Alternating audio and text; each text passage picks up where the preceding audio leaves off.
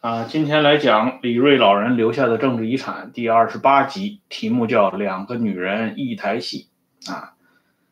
上一次节目当中呢，我们提到啊，这个李伯昭呢，在李富春和罗麦啊，就是李维汉的特殊交代下，返回这个红四方面军，继续做他的这个文艺工作。这李富春和李维汉啊，对李伯昭有过一番特殊的交代。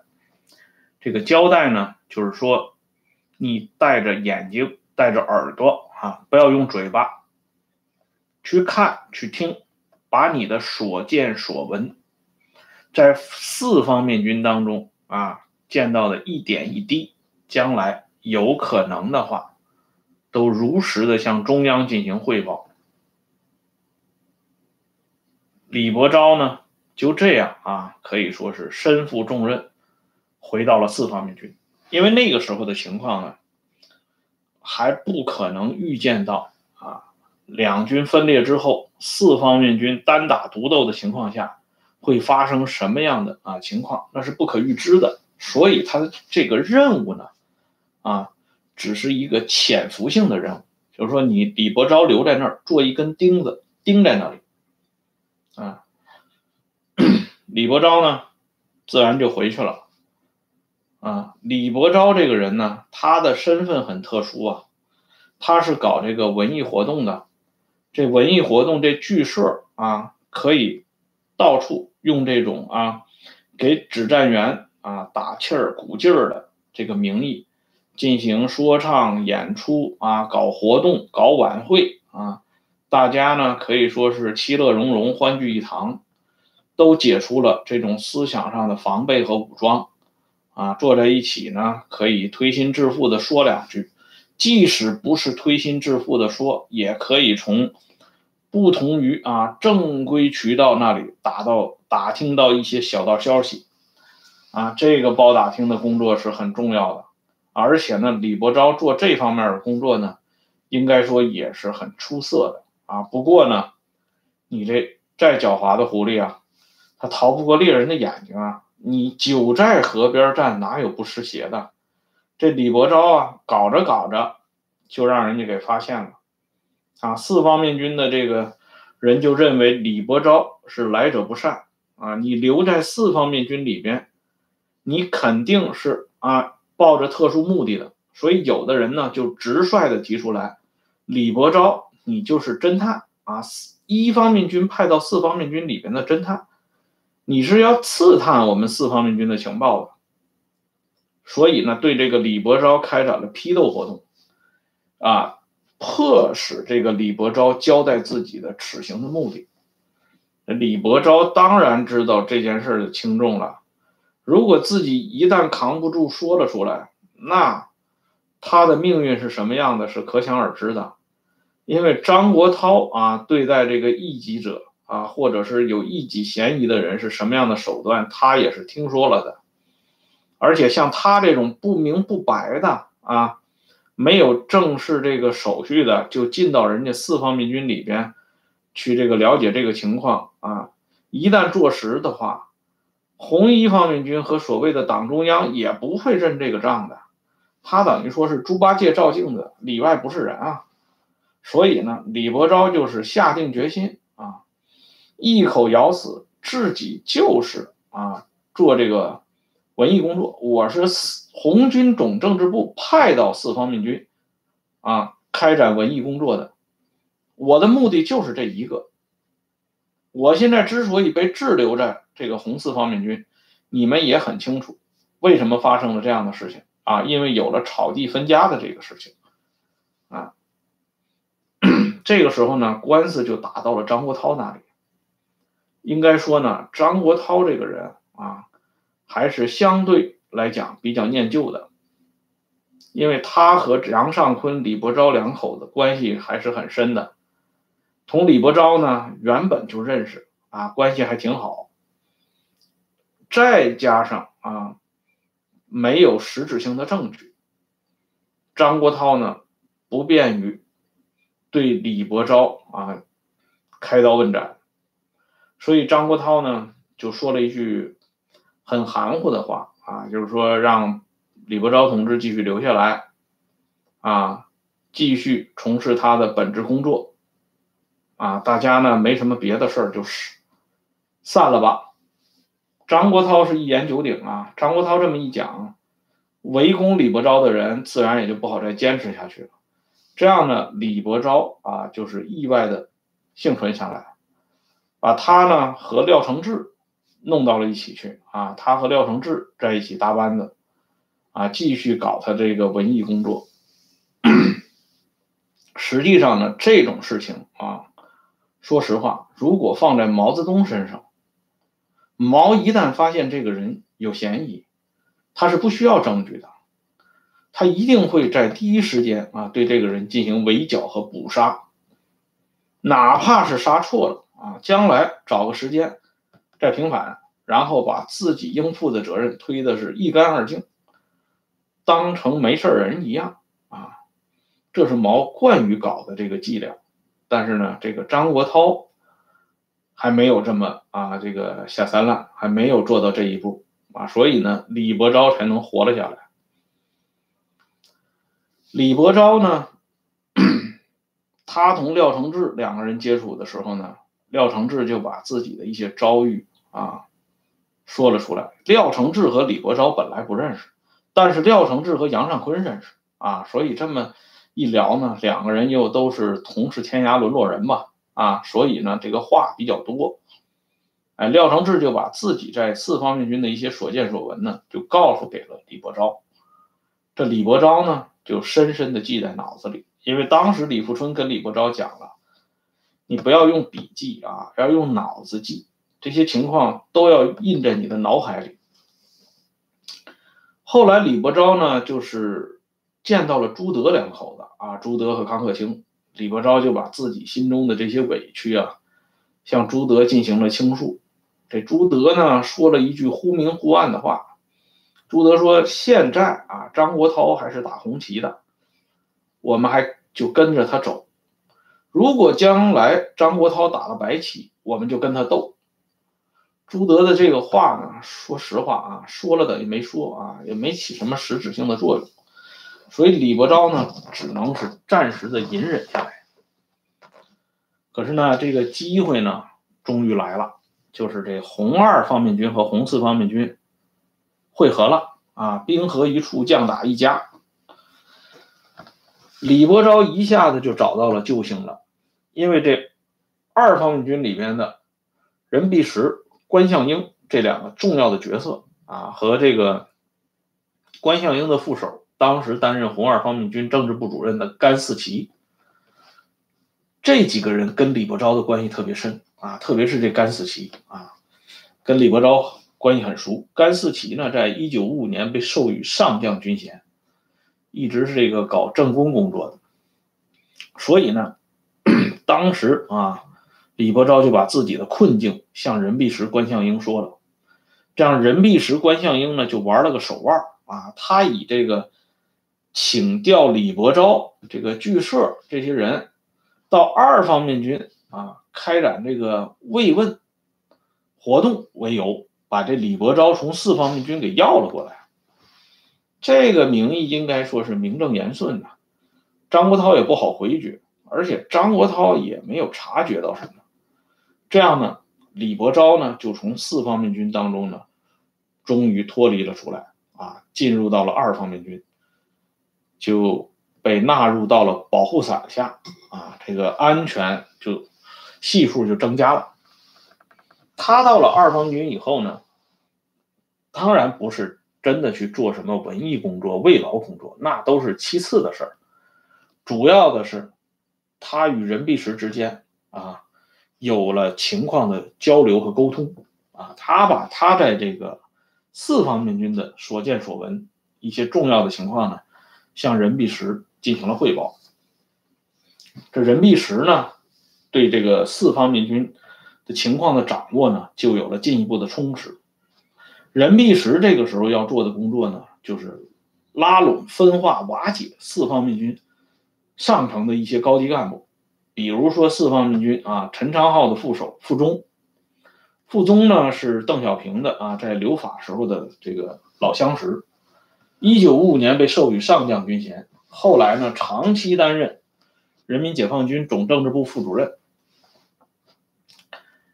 傅中那个时候呢，自然跟其他这个四方面军的一些高级将领啊、高级干部一样，对张国焘是很有信仰的，认为张国焘这个人很有水平啊，把这个四方面军搞得这么壮大啊，是很有本事的一个人。这任弼时呢，就这个。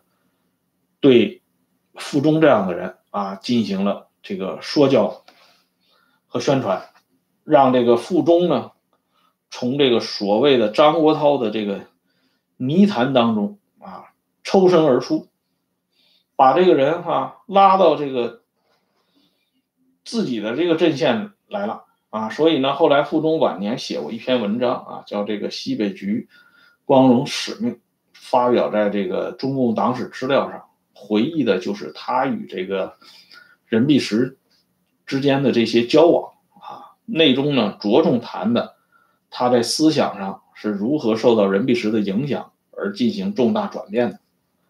就是说，当三大方面军会师之前呢，任弼时已经先期啊做了一些这个挖四方面军墙角的工作啊，这也是后来任弼时。啊，能够被毛拉上这个战车的一个重要原因之一，任弼时在两个历史的关键时刻是客观上给毛一个很大的帮助。一个是在这个富田事变的处理上，啊，原来的呃结论呢是中央是派项英去调查，项英的结论认为毛在富田事变里边实际上这个是比较丑陋的。啊，所以呢，项英的处理是比较温和。后来呢，又派了任弼时啊进行第二次了解。任弼时的观点跟毛的观点就是相当接近啊，就把项英的结论给推翻了。这样呢，毛啊得以这个掩盖了自己在福田事件中扮演的这个角色的真实的一面啊。后来呢，就是这个起了杀机啊，把这个。红二十军相当一部分啊，指挥员通通的杀掉。这个任弼时在这第一次帮到毛泽东，第二次就是这次啊，二四方面军会师以后，任弼时先期啊搞了一些瓦解的工作。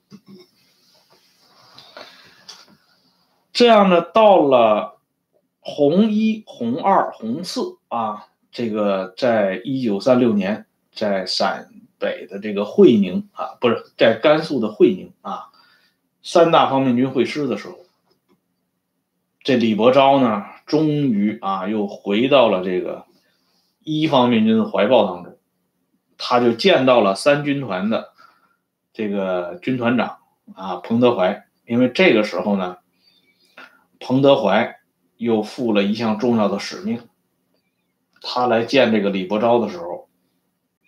就把这情况给说了。应该讲呢，这李伯钊这个人是很敬业的啊。一般人啊，见了这个彭德怀，那彭德怀是谁啊？他是自己丈夫的老战友啊，顶头上司啊。啊，这个作为老婆啊，见了自己的丈夫的老战友，首先问一句自己的丈夫情况怎么样，这是理所应当的，人之常情。可是李伯钊见了彭德怀之后呢，一个字都没有提到杨尚昆。首先是向彭德怀汇报了 四方面军的一些重要情况，彭德怀也很高兴啊，说你吃了很多苦啊，中央是了解的。现在呢，啊，中央交给你一个重要的任务，希望你呢能够拿到啄木雕会议记录，这是一个很重要的证据。我们通过掌握这个证据。就能坐实啊张国焘分裂党中央的罪行。也就是说，三大主力会师之际啊，中共中央以毛泽东为首的这些人就已经着手准备清算张国焘了啊。只不过张国焘这些人还蒙在鼓里。张国焘尽管在张县啊说了他去陕北是撤职罢官坐牢。但是呢，很大程度上呢，说的也是气话。他没想到啊，这个事情真的是照他这个话发展开来啊，彭德怀呢就把这个任务交给了李国昭。应该说这个任务太艰巨了，啊。啄木雕会议是怎么回事呢？啄木雕会议是发生在一九三五年十月五号，也就是说草地分家之后啊，不到一个月的时间，在啄木雕这个地方开了一次重要的会议。这个会议呢，就是所谓的啊张国焘另立中央的会议，但实际上呢。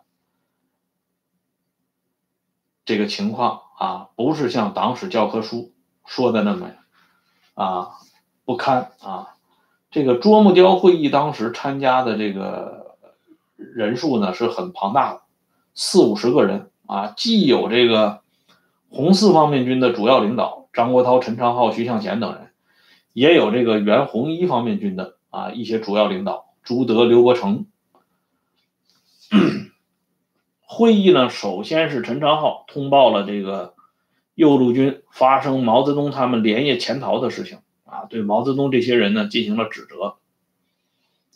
这些话呢，说实话没有引起大家的这个啊特殊的关注啊，因为这个情况大家都了解了啊。陈昌浩无非是做一个总结，关键是接下来的这个情况啊，红九军团的啊军团长。罗炳辉现场控诉发生在江西苏区的一些往事，这就涉及到毛泽东的一些功过是非问题了。罗炳辉是一个什么样的人呢？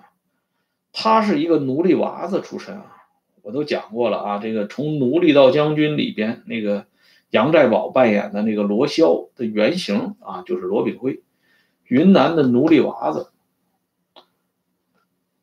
因为啊，这个仰慕共产革命的这个宗旨，毅然率领自己手下的这个禁卫大队，在刘士奇的指引下啊，投身到革命的洪流当中来。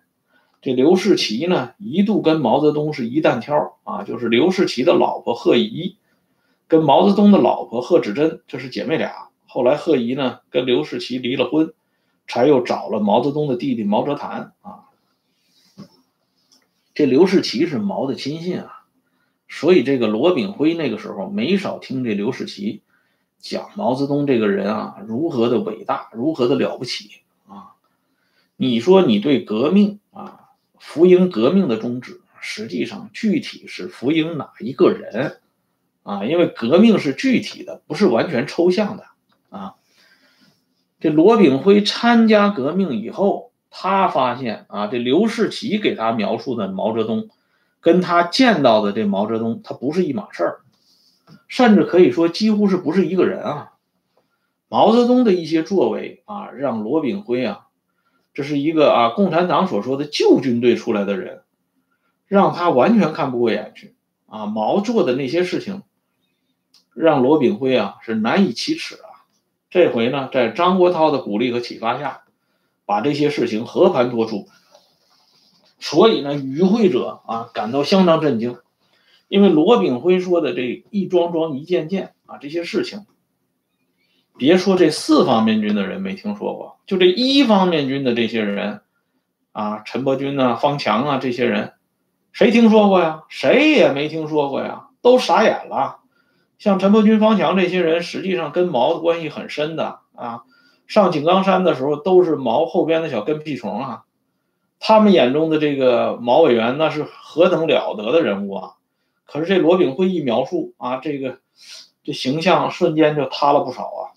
这罗炳辉这个人有一个特点啊，这个人记性非常好啊。这个后来有人回忆啊，这罗炳辉在这个抗战训练班讲课的时候啊，他的课讲的是最生动啊，最招人听的。为什么呢？他不讲大道理。他只讲这些小事情啊，就是我经历过哪些战斗啊，遇见过哪些人，我给你们讲这些事儿，这一下子就把大家的这个眼球给吸引过去了。所以你想想，罗炳辉亲身经历的事情，他讲的能不如实吗？啊，而且更关键的是，罗炳辉讲完了，还有一个人站出来进行补充，这个人是谁呢？是九军团的政委何长工啊。何长工是什么人呢？何长工是毛寨井冈山的班底人物啊，啊，这么一个人对罗炳辉的话进行补充，你说说罗炳辉的这个讲话的可信度，那基本是相当于百分之百了。所以这会场一下子就炸了啊，马上就是一边倒了。因此张国焘就提出来了，红军如果交由像毛泽东这样一个啊品质败坏的这么一个人来领导。那么我们党啊，我们这个军队未来的命运将是什么呢？这样的话，这样的事实摆到面前，朱德、刘伯承那是无话可讲啊，因为朱德本人对毛是什么样的人是心知肚明啊。他和彭德怀之间啊，在富田事变的时候曾经有过一个对话的啊。刘伯承也很清楚毛是什么样的人。啊，只不过当时是顾全大局啊，这两个人只好选择沉默。于是呢，在这个啄木雕会议的这种大氛围下，进行了改选。张国焘是仿照啊，这个当年马克思恩格斯的做法，这个因为这个国际啊，共产这个国际出现了这个问题啊，他们呢不得不啊进行。